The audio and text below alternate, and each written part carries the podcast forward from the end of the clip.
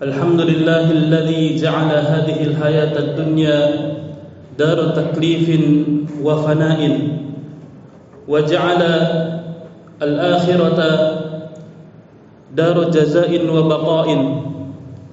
أشهد أن لا إله إلا الله وحده لا شريك له وعد عباده المتقين بالجزاء الأوفى. وأشهد أن نبينا محمدا عبده ورسوله. العبد المصطفى اللهم صل وسلم وبارك على نبينا محمد وعلى آله وصحبه وسلم معاشر المسلمين jamaah salat Jumat yang dimuliakan Allah Subhanahu wa taala usikum wa nafsi bi taqwallahi faqad fazal muttaqun marilah kita selalu meningkatkan keimanan dan, dan ketakwaan kita kepada Allah Subhanahu wa taala. Allah Subhanahu wa taala berfirman ya ayyuhalladzina amanu taqullaha haqqa tuqatih wa la tamutunna illa wa antum muslimun. Wahai orang-orang yang beriman bertakwalah kalian. Ma'asyiral muslimin rahimani wa rahimakumullah.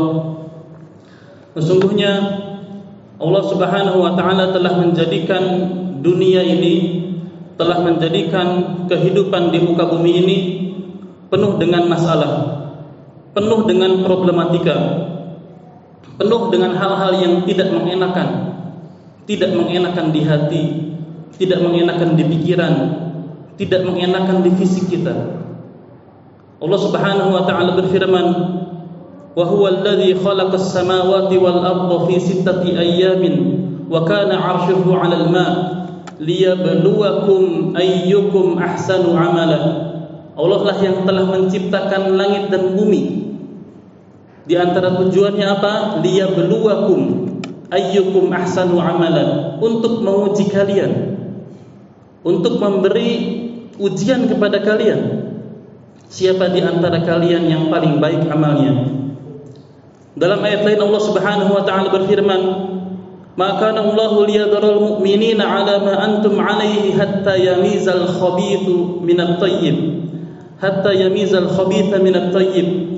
Allah Subhanahu wa taala tidak akan membiarkan kalian begini saja. Allah Subhanahu wa taala akan menguji kalian.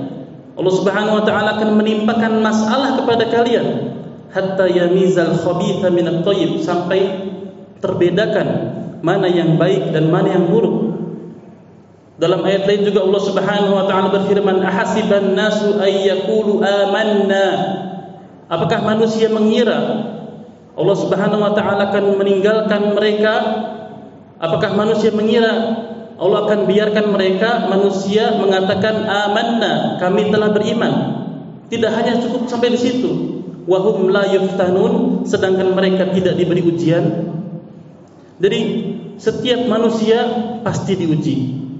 Setiap manusia pasti pernah punya masalah atau saat ini hari ini dia sedang punya masalah atau di kemudian hari dia pasti akan menghadapi permasalahan.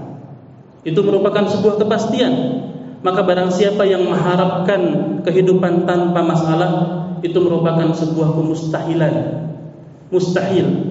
Karena Allah Subhanahu wa taala telah menetapkan bahwasanya manusia diciptakan dalam keadaan payah, dalam keadaan kelelahan, keletihan. Allah Subhanahu wa taala berfirman, "Laqad khalaqnal insana fi kabad." Sungguh kami telah menciptakan manusia dalam kepayahan. Yukabidul hayat, kepayahan dalam menghadapi kehidupan dunia ini capek, letih, banyak sekali masalah. Maka tidak ada di atas muka bumi ini orang yang selalu bahagia. Tidak ada di atas muka bumi ini orang yang terus-menerus senang. Barangkali sebagian orang menganggap orang kaya hidupnya bahagia. Orang yang memiliki kekuasaan hidupnya bahagia. Setiap level manusia pasti memiliki masalah. Karena memang sudah sunnatullah Allah Subhanahu wa taala telah menjadikan dunia ini sebagai darul bala, tempatnya ujian. Mengapa Allah Subhanahu wa taala menjadikan dunia ini penuh dengan masalah, penuh dengan ujian, penuh dengan hal-hal yang menjadikan kita khawatir, takut, cemas karena untuk menjadikan manusia sadar bahwasanya di sana ada kehidupan yang sempurna. Ini merupakan bumi, bumi ini merupakan tempat yang tidak sempurna sehingga manusia merindukan kehidupan yang sempurna dan kehidupan sempurna tidak lain dan tidak bukan merupakan kehidupan yang abadi yang kekal yaitu surga. Allah Subhanahu wa taala menyambut para penghuni surga ketika mereka memasuki surga. Allah Subhanahu wa taala berfirman, "Udkhulul jannata la khaufun 'alaikum wala antum tahzanun." Masuklah kalian ke dalam surga tidak ada rasa takut dan kalian tidak akan merasa sedih selamanya.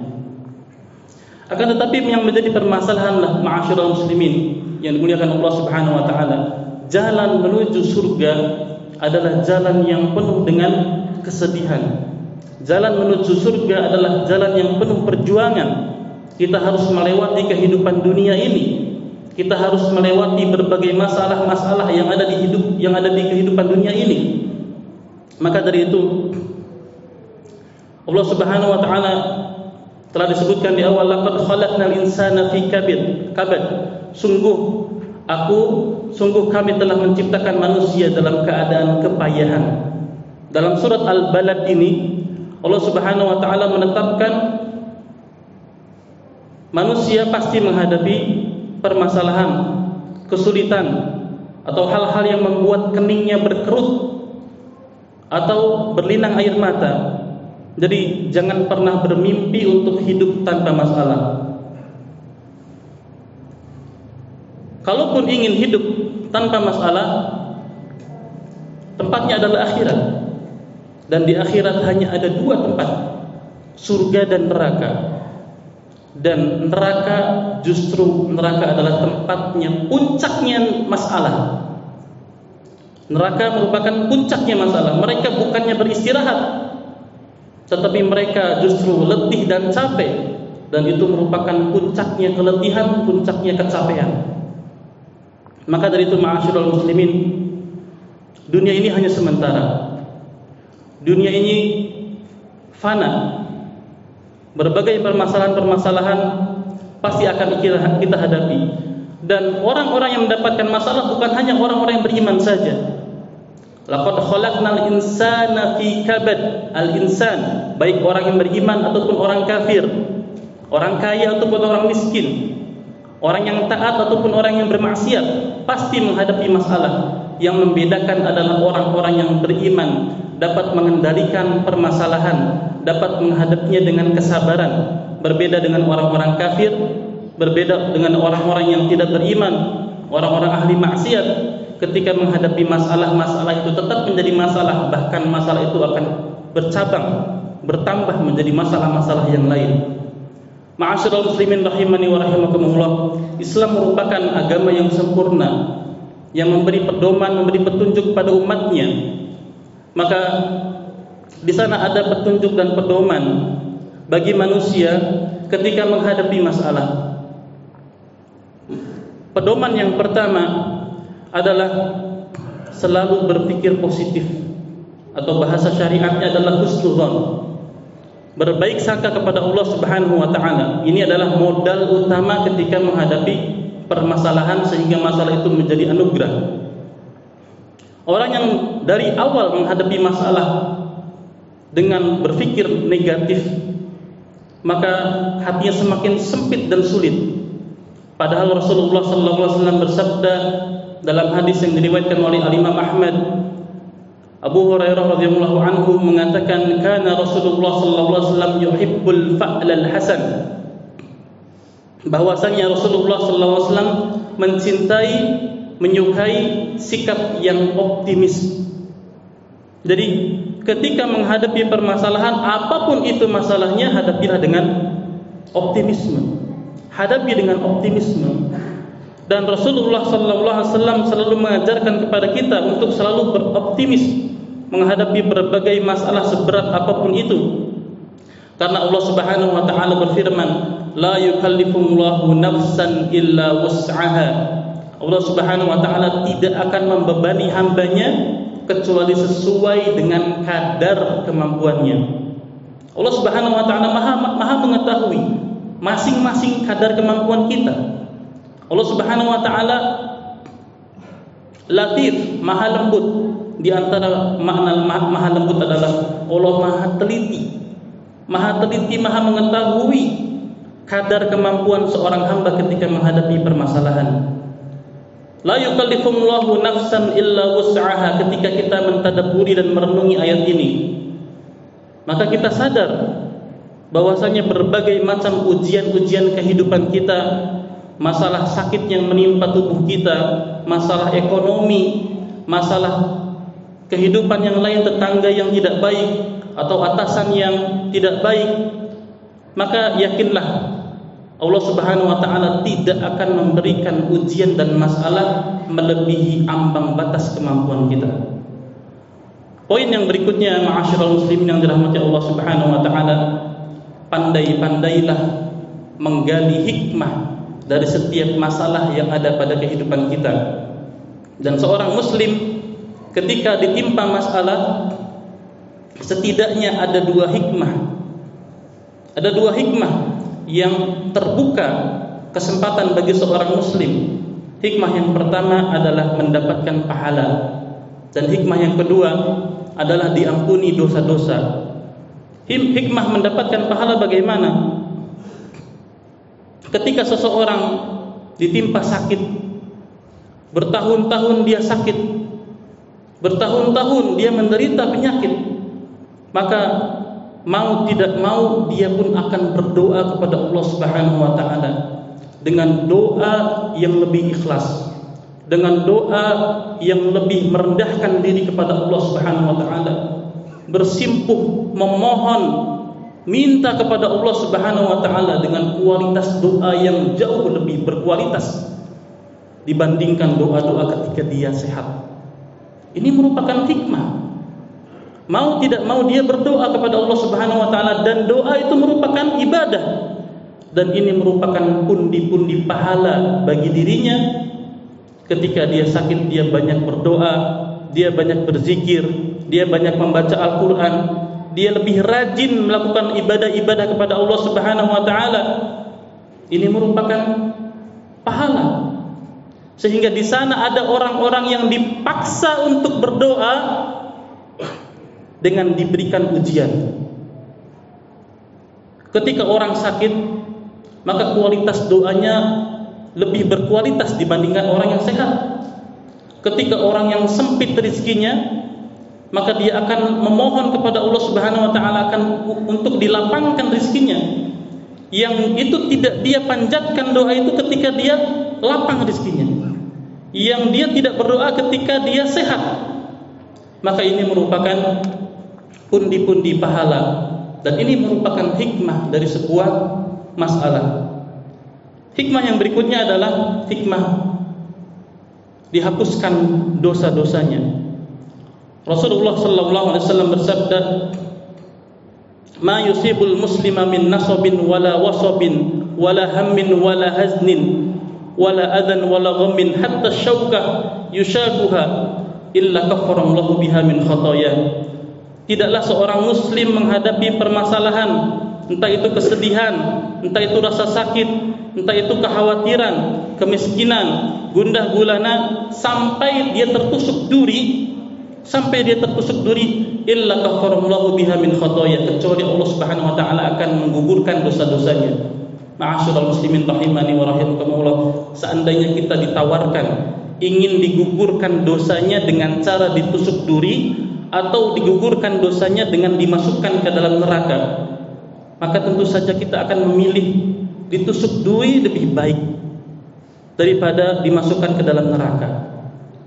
Maka ini merupakan musibah-musibah permasalahan dan problematika kehidupan dunia yang dihadapi oleh seorang muslim itu merupakan penggugur dosa.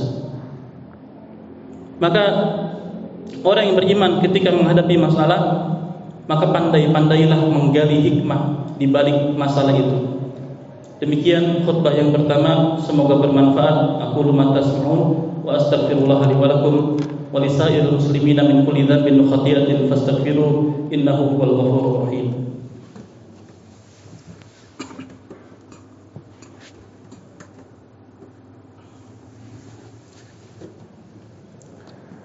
Alhamdulillah hamdan kathiran tayyiban mubarakan fi kama yuhibbu rabbuna wa yardah. Ashhadu an la ilaha illallah wahdahu la sharika lah wa ashhadu anna muhammadan abduhu wa rasuluh. Ma'asyiral muslimin rahimani wa rahimakumullah ketika seseorang menghadapi problematika kehidupan masalah hidup yang dia hadapi maka yakinlah setelah gelap pasti akan ada terang Seringkali kita berputus asa ketika mendapatkan masalah, ujian, cobaan. Padahal Allah Subhanahu wa taala berjanji bahwasanya setelah kesulitan pasti akan ada kemudahan. Dalam surat Alam Nashrah, surat yang sama-sama kita hafal, Allah Subhanahu wa taala berfirman dalam ayat yang kelima dan ayat yang keenam, "Fa inna ma'al usri yusra." Ayat yang kelima. Ayat yang keenam Allah Subhanahu wa taala ulangi. Allah Subhanahu wa taala tegaskan kembali, "Inna ma'al usri yusra." Sesungguhnya sesudah kesulitan pasti ada kemudahan. Pasti ada kemudahan. Dalam ayat lain Allah Subhanahu wa taala pun juga berjanji, "Saya ja'alullahu ba'da usri yusra." Kelak Allah akan memberikan kelapangan sesudah kesempitan. Maka Al-Imam Ibn Kathir rahimahullah mengatakan ini merupakan janji dari Allah Subhanahu wa taala. Maka mustahil Allah Subhanahu wa taala tidak menepati janjinya. Ma'asyiral muslimin rahimani wa rahimakumullah, demikianlah tiga poin di dalam menjadikan masalah menjadi anugerah sebagai bekal kita sebagai seorang muslim sehingga seorang muslim ketika menghadapi masalah tidak suudzon kepada Allah Subhanahu wa taala dan tetap optimis bahwasanya Allah Subhanahu wa taala akan menolongnya. Dan memang sudah menjadi sunnatullah dan dunia ini merupakan darul bala tempatnya musibah tempatnya masalah. Semoga Allah Subhanahu wa taala memberikan kepada kita taufik dan hidayahnya kepada kita semua sampai hari uh, kita diwafatkan oleh Allah Subhanahu wa taala إن الله وملائكته يصلون على النبي.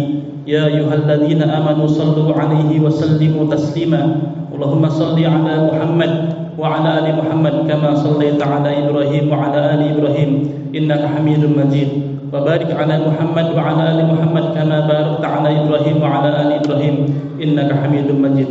اللهم اغفر للمؤمنين والمؤمنات والمسلمين والمسلمات. الاحياء منهم والاموات انك سميع قريب مجيب الدعوات ويا قاضي الحاجات اللهم آت نفوسنا تقواها وزكها أنت خير من زكاها أنت وليها ومولاها ربنا ظلمنا أنفسنا وإن لم تغفر لنا وترحمنا لنكونن من الخاسرين ربنا آتنا في الدنيا حسنة وفي الآخرة حسنة وقنا عذاب النار والحمد لله رب العالمين. أقم الصلاة.